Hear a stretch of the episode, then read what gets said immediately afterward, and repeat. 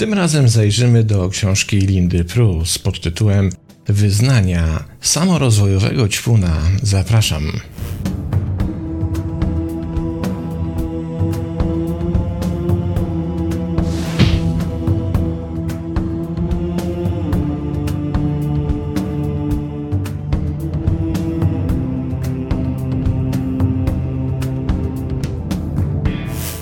Miejscu standardowo powinniśmy się przyjrzeć temu, kim jest autorka książki, ale tym razem mamy z tym spory kłopot, ponieważ Linda Prus tak naprawdę jest bardzo tajemniczą postacią. Niewiele o niej wiemy, oprócz tego, co sama mówi o sobie, a mówi o sobie jedynie tyle, że jest 40-latką ze sporą nadwagą, z przyklejonym do piersi dzieciakiem. I to jest wszystko, co o sobie zdołała nam powiedzieć. Oczywiście te jej słowa pochodzą z 2016 roku, kiedy ta książka się ukazała. Zanim jednak sięgniemy do jej fragmentów, pora wyjaśnić pewną kwestię. Otóż w tytule książki pojawia się słowo self-help, czyli samopomoc. Natomiast ja przetłumaczyłem to jako samorozwój, głównie z tej przyczyny, że po uważnej lekturze całości książki wszystkie przykłady, które się w niej pojawiają, dotyczą nie tyle samopomocy, ale samorozwoju. Czym to się różni? Otóż rynek samopomocy, jak sama nazwa wskazuje, dotyczy usiłowania rozwiązania przy pomocy szkoleń, wykładów, książek jakiegoś problemu, z którym się borykamy. Natomiast rynek samorozwoju dotyczy tego, byśmy się rozwijali, byśmy mogli coś osiągnąć, byśmy mogli coś zdobyć.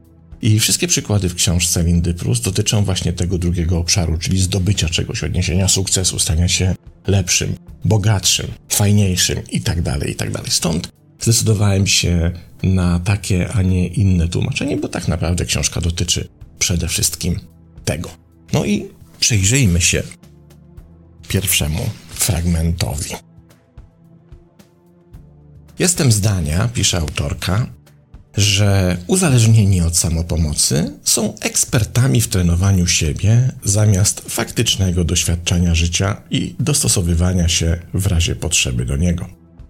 Biorą udział w warsztatach i słuchają ekspertów, którzy podpowiadają im, co powinni robić w życiu. Kiedy to podejście zawodzi, zwracają się do bestsellerowych książek napisanych przez różnych ekspertów z konkurencyjnymi teoriami i przez chwilę dają im szansę. Ponieważ gatunek samopomocy czy też samorozwoju obejmuje szeroki zakres tematów zdrowie, dobre samopoczucie, zdrowie alternatywne, zdrowie psychiczne, duchowość, religię i sferę metafizyczną, z czasem ich honorowa próba poprawy samego siebie staje się desperacką próbą przekształcenia wszystkich aspektów ich życia. Często ćpuny samorozwoju są kiepskimi ryzykantami. Na pewnym poziomie wolisz kontrolowane środowisko i przewidywalne wyniki. Lubisz komfort swojej strefy komfortu, nawet jeśli trzymacie to w gównianej przestrzeni, która wysysa z ciebie życiową siłę. Jednak wierzysz, że istnieją dobre i złe sposoby robienia rzeczy w życiu, więc spędzasz czas na badaniu, jak powinieneś, powinnaś postępować. Wolisz czytać na tematy, zamiast uczyć się metodą prób i błędów. Nie jesteś zbyt ryzykowna, ryzykowna, jeśli od czasu do czasu zdecydujesz się na ryzykowny skok. Jest to prawdopodobnie przemyślane. Informacje trzymają cię w zaprzeczeniu i twoje zwlekanie jest wówczas zamaskowane. Czytając książki, surfując po internecie czy zbierając opinie, sprawiasz wrażenie, że działasz proaktywnie. W rzeczywistości opóźniasz robienie czegokolwiek. Na szczęście dla ciebie miną lata, zanim ludzie to zrozumieją i sam się do tego przed sobą przyznasz. Jest prawdopodobne, że przyjaciele i rodzina postrzegają cię jako sumiennego i kompetentnego. W przeciwieństwie do impulsywnych ludzi w Twoim życiu, Twój brak inicjatywy pomaga Ci uniknąć porażki, ale także powstrzymuje Cię przed rozpoczęciem udanych przedsięwzięć. Dużą część ostatniej dekady spędziłam na czytaniu poradników. Uznawałam, że jest ze mną coś strasznie nie tak. Kupowałam wtedy książkę, która oświetliłaby drogę do zmiany.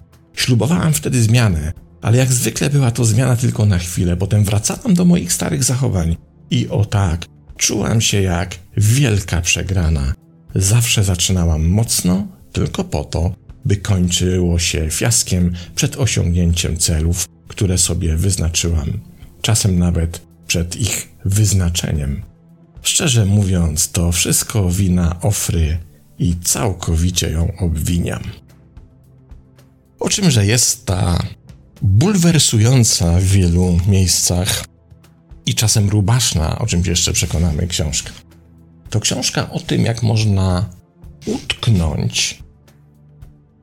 Wierzę w to, że do zmiany naszego życia na lepsze wystarczy samo uczestnictwo w jakimś warsztacie, samo przeczytania książki, sam kontakt z mistrzem, guru, wykładowcą, nauczycielem, wysłuchanie tego, co ma do powiedzenia, a nie to, by samemu coś zrobić i samemu coś działać, by przekształcić tę uzyskaną tą drogą wiedzę na coś praktycznego, na skuteczną zmianę w swoim życiu.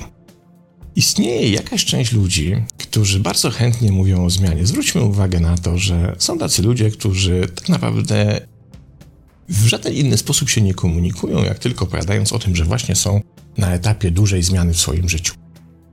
Czegoś doświadczają, są pod urokiem jakiejś idei, jakiegoś nowego modelu, mają narzędzia, umiejętności i są właśnie w takim trybie zmiany i nieustannie przekonują nas o tym, że się zmieniają.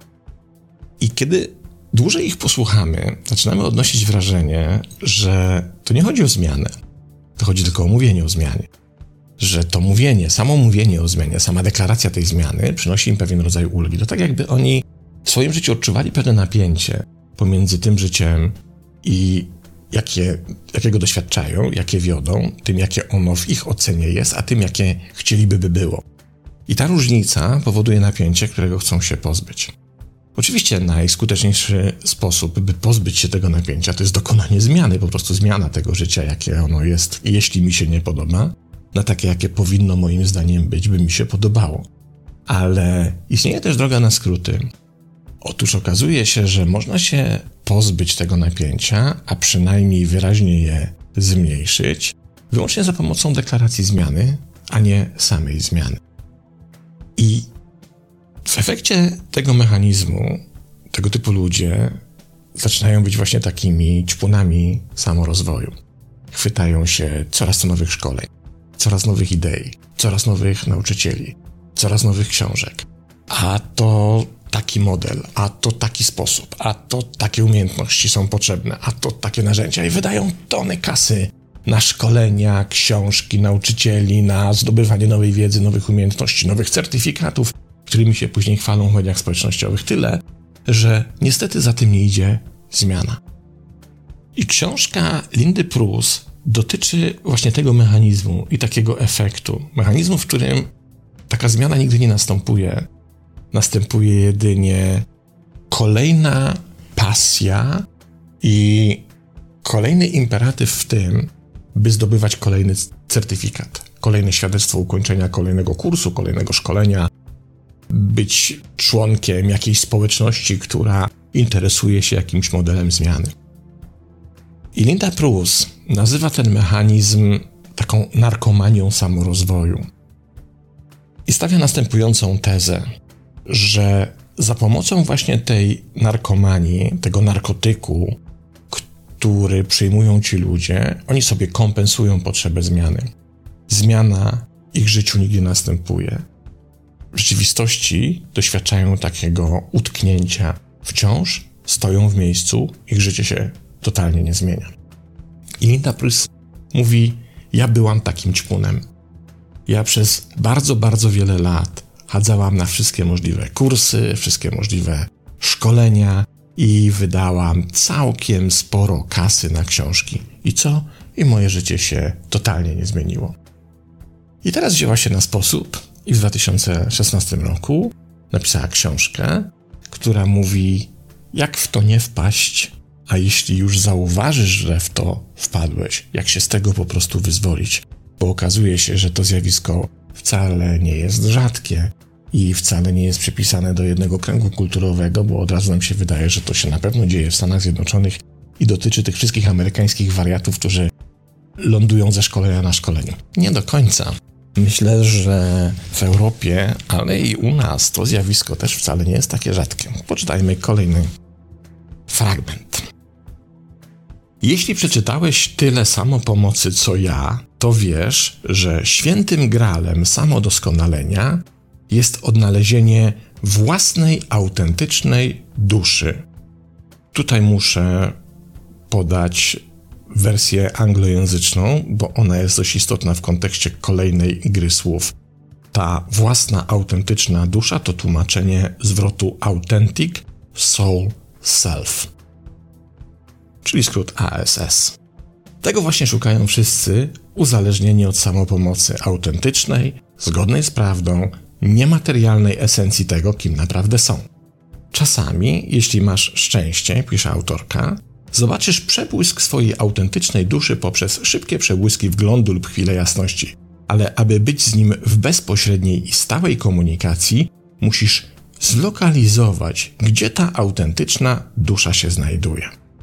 Być może błędnie zakładasz, że znajduje się ona w pobliżu serca, które utrzymuje cię przy życiu, albo na przykład w twojej głowie, w mózgu, który pozwala ci myśleć i dokonywać wyborów. Zaufaj mi, kiedy mówię, że się mylisz. Jeśli przyjrzysz się uważnie terminowi autentyczna dusza, authentic soul self, to stanie się nagle oczywiste, że jest to akronim od słowa as, dupa. Trenerzy samopomocy nie powiedzą ci tego, ponieważ brzmi to wulgarnie i jeśli byś to wiedział, jeśli byłbyś świadomy tego mało znanego faktu, nie kupowałbyś ich książek. Ale tak naprawdę twój as, twoja dupa jest tym, co musisz znaleźć i co zawsze i do tej pory było przez ciebie desperacko poszukiwane. Jeśli szukasz swojej autentycznej duszy, to prawdopodobnie dlatego, że nie jesteś pewien jej mocy i potęgi. Tyłek, inaczej znany jako laur, na którym spoczywasz, gdy nie czujesz się na siłach do zadań dnia, jest idealną kryjówką dla Twojej prawdziwej, autentycznej duszy. Jeśli bycie autentycznym wymaga zbyt wiele pracy, dyscypliny lub zapału, możesz to po prostu zgasić, siadając na dupie, podnosząc na chwilę nogi. Twój tyłek również amortyzuje cię podczas upadku, nie ponosząc większych obrażeń, co ponownie odpowiada prawdziwemu ja, aspekcie ciebie, który poradzi sobie ze wszystkim bez względu na to, jak to jest tragiczne lub traumatyczne. Twój tyłek jest częścią kobiecej sylwetki, która wywołuje uczucie dużego niepokoju, gdy sezon kostiumów kąpielowych jest tuż za rogiem lub w Twoim kalendarzu jest zaznaczony zjazd Twojego liceum.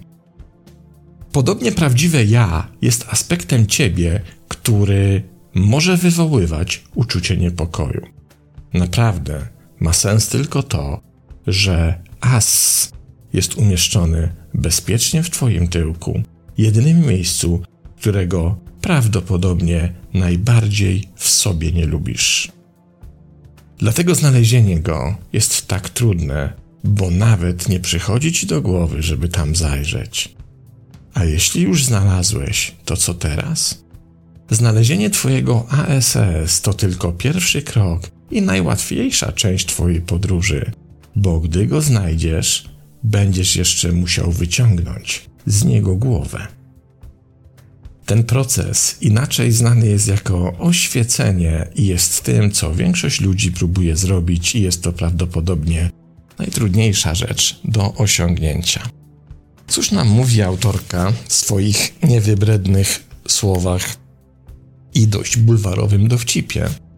Ale pójdźmy na chwilę tą drogą, by odkryć to przesłanie. Zwróćcie uwagę, ona mówi, że w tych ćpunach samorozwoju jest dość znaczny element egocentryzmu, którego oni nie widzą. To jest rodzaj egocentryzmu, który podpowiada im, musisz coś zrobić, by poczuć się lepiej niż inni. To nie jest moja teza, to jest teza autorki. Musisz zainwestować w siebie, bo nie możesz spraw zostawić takimi, jakimi one teraz są, ponieważ to, że porównujesz się z innymi i na tle tego porównania nie wypadasz najlepiej, jest przedmiotem Twojego niepokoju, który próbujesz w ten sposób pokonać.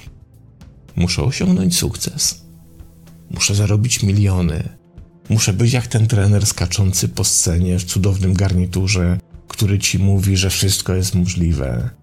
Muszę być ponadprzeciętny, muszę być doskonała, muszę to wszystko chwycić za rogi i wyciągnąć z tego maksymalną esencję, która jest do wyciągnięcia, by być lepsza od swoich koleżanek z podstawówki, kiedy pojadę na licealny zlot i pokażę im, gdzie jest ich miejsce w szeregu i jak wielce się wybiłam ponad ten tłum. Czy to nie jest rodzaj egocentryzmu? Rodzaj myślenia o sobie w kategoriach wspaniały, lepszy, najlepszy, ponadprzeciętny i tak dalej. I teraz jest pytanie, dlaczego ci ludzie tego nie widzą? Dlaczego nie są tego świadomi? Autorka udziela na to fantastycznej odpowiedzi, jakże krótkiej. Nie mogą tego widzieć, ponieważ ich głowa spoczywa w ich własnej dupie. I z tego punktu widzenia niestety nie da się tego zobaczyć. Bolesne, kurcze, strasznie wulgarne, no nawet nie delikatnie wulgarne, tylko dosyć wulgarne, ale niestety chyba bardzo precyzyjne i mówiące bardzo wiele o tym, dlaczego w taki sposób funkcjonujemy, dlaczego tych rzeczy nie dostrzegamy. Przeczytajmy kolejny fragment, o ile jeszcze macie ochotę w ogóle obcować z panią Lindą Prus. Zauważyłam, że wiele osób przesunęło swoją uwagę z utrzymania na koncentrację wyłącznie na zdobywaniu. Pochwal każdą właścicielkę domu za jej piękne nowe meble do salonu, a ona z pewnością wskaże, jak planuje pomalować ściany, ponownie położyć wykładzinę na podłogach i zaoszczędzić na telewizor plazmowy. Rok później, kiedy komplementujesz jej nowy dywan, kolor ścian i zajebisty telewizor, który oglądasz, z pewnością podzieli się z tobą tym, jak przestarzała jest teraz jej kuchnia oraz nowe urządzenia i granitowe blaty, w które musi zainwestować. Poza tym, że doprowadzamy się do szaleństwa, pozwalamy również innym projektować na nas swoje szaleństwo. Kiedy nieustannie oddajesz się szybkiemu, zorientowanemu na wyniki światu, w którym żyjemy, trudno jest wycofać się z nadkrawędzi. Bądź wdzięczny za brakującą część. Łatwo jest dziękować wszechświatowi za obfitość i błogosławieństwa. Być może powinieneś również poświęcić chwilę i podziękować za wszystkie brakujące elementy. Bądź wdzięczny za niezrealizowane cele, niedoskonałe części ciała, nieukończone projekty naprawy domu i zbliżające się terminy. Pamiętaj, że Niedokończone sprawy nie tylko pozwalają ci na luksus refleksji, ale także dają ci możliwość zmiany zdania. Może te uda, których nienawidzisz, nie reagują na twoje ćwiczenia, ponieważ muszą podnosić ciężary, a nie tylko chodzić na bieżni każdego dnia. Być może powodem, dla którego nie możesz znaleźć idealnego wzoru tapety jest to, że zamiast tego powinnaś czy powinieneś pomalować tę ścianę, a co jeśli frustracja, którą odczuwasz w związku z mieszkaniem w chlewni, wynika mniej z tego, że nie stać cię na sprzątaczkę, a więcej z tego, że twoje dzieci muszą mieć przydzielone dodatkowe obowiązki? A może twój szef nie jest idiotą i zamiast tego potrzebujesz nowego miejsca pracy? A może wszystko jest w porządku tak, jak jest? I po prostu musisz przestać wywierać na siebie taką presję, aby być doskonała czy doskonały. Przeglądając wszystkie elementy, które składają się na całość, jaką jest Twoje życie, poświęć chwilę na uhonorowanie tych części, które jeszcze nie są obecne i nie zostały uwzględnione. Postrzegaj te ziejące dziury jako okazję do dokonywania innych, być może bardziej odpowiednich wyborów. Jeszcze lepiej, pozwól sobie na nic nie robienie i po prostu posiedź w tych dziurach przez chwilę. Poczuj się komfortowo z pustą przestrzenią i poznaj ją dokładnie zanim spróbujesz ją wypełnić. Być może ten poziom zaufania i cierpliwości był przez cały czas właśnie tym brakującym elementem. Kolejna prawda w niezagraconej przestrzeni oddycha się swobodniej. Kiedy nie jesteśmy otoczeni takim szybkim zdobywaniem dóbr, pozycji, osiągnięć, to dopiero wtedy mamy czas na refleksję i oddech. Kiedy gonimy za tym króliczkiem, którego się nie da dogonić, bo jak wiadomo, króliczek zawsze ucieka w przyszłość. Kiedy gonimy za tym króliczkiem, tak naprawdę nie jesteśmy w stanie z odpowiednią dozą dystansu zobaczyć samych siebie, docenić to, co naprawdę mamy, czym naprawdę dysponujemy, za co naprawdę powinniśmy być wdzięczni, a z drugiej strony zobaczyć, czy to, za czym ganiamy, na pewno jest nam potrzebne? Czy to, co nam się wciska jako ten przedmiot realizacji naszych pożądań i marzeń, rzeczywiście to rzeczy, bez których nie da się żyć, które są nam niezbędne jak powietrze? Autorka mówi, dużo bardziej niezbędna ci jest pusta przestrzeń, w której możesz ze spokojem odetchnąć i przez chwilkę posiedzieć. Nie potrzebujesz kolejnego szkolenia, kolejnego guru, kolejnych książek, kolejnych idei, bo z tego i tak niewiele w Twoim przypadku wynika. Dużo lepszy efekt osiągniesz, kiedy przez chwilę przestaniesz tego potrzebować. I być może wtedy okaże się, że do tej pory ta potrzeba i to dążenie do jej realizacji wcale nie było takie istotne w Twoim życiu. Są istotniejsze rzeczy. Ostatni fragment. Wszyscy mówią o równowadze. Niezależnie od tego, czy chodzi o pracę i dom, zdrowe i dobre samopoczucie, wydatki i długi, czy związki i miłość własną, najwyraźniej chodzi o równowagę. Kiedy mówisz o jednym konkretnym obszarze, warto mówić o równowadze, ale kiedy mówisz o różnych sprzecznych obszarach, ta równowaga może być myląca. Bycie niezrównoważonym jest w porządku. Myślę, że większość z nas po prostu zgadza się na brak równowagi w jakiejś dziedzinie naszego życia, zakładając, że w pewnym momencie wszystko się wyrówna. Akceptujemy fakt, że nie możemy mieć wszystkiego, przynajmniej nie w tym czasie. Szczerze mówiąc, nie można dyskutować z tą logiką. Problem polega na tym, że zakładamy, że stworzenie równowagi magicznie rozwiąże wszystkie nasze problemy. Tak jakbyśmy, tworząc zrównoważone życie, całkowicie wyeliminowali z niego stres, a ciągłe dostosowywanie nigdy nie byłoby już konieczne. To proste. Chcesz zachować równowagę, po prostu nie upadaj. Myślę, że aby być naprawdę zrównoważony, musisz zrobić trochę jednego i drugiego, musisz iść na skróty i nie przejmować się tym, z jakim zapałem to czynisz, jak wtedy, gdy działasz sumiennie. Ostatecznie cel jest zawsze ten sam. Staraj się nie upaść. Robisz wszystko, aby uniknąć poważnego urazu głowy, który na stałe wykluczy cię z gry. Równowaga nie polega na perfekcji, ale na wiedzy, kiedy wykonać wymaganą pracę, a kiedy przepłynąć, wywierając czy też używając jak najmniejszego wysiłku. Życie nigdy nie będzie proste, to zawsze było, jest i będzie skomplikowane we wszystkich swoich procesach. Być może bardziej odpowiednim celem nie jest uproszczenie naszego życia, ale uproszczenie naszych oczekiwań. Modlitwa o pogodę ducha mówi o akceptacji tego, czego nie możemy zmienić, i o odwadze, by zmienić to, co możemy. Być może prawdziwym kluczem do prostego życia jest trzecia prośba tej modlitwy o mądrość, aby poznać różnicę między jednym a drugim. Osiągnięcie celu jest jak malowanie obrazu. Masz nieskończone możliwości, które są ograniczone tylko rozmiarem płótna. Po kilku pociągnięciach pędzla musisz się cofnąć i zobaczyć proporcje, aby wiedzieć, gdzie dodać kolor, teksturę, cień światło, a następnie ponownie skupić się na szczegółach.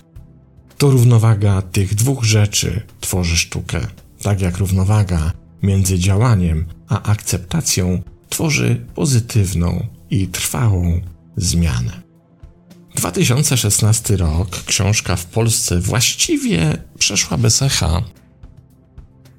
Z jednym małym wyjątkiem. Otóż w jednym artykule Newsweek się na tę książkę powołał, co udało mi się znaleźć i ustalić, ale to w zasadzie wszystko. A myślę, że dość istotna, bo odkrywa coś, z czego nie do końca sobie czasem zdajemy sprawę i co oczywiście dla jednych może być wkurzające, a dla innych odkrywcze, ale nie zmienia to faktu, że jest ważne i na pewno nadaje się na to, by się nad tym czasem pochylić i zastanowić, czy czasem nie jesteśmy ćpunami samorozwoju. To tyle. Pozdrawiam i do następnego razu.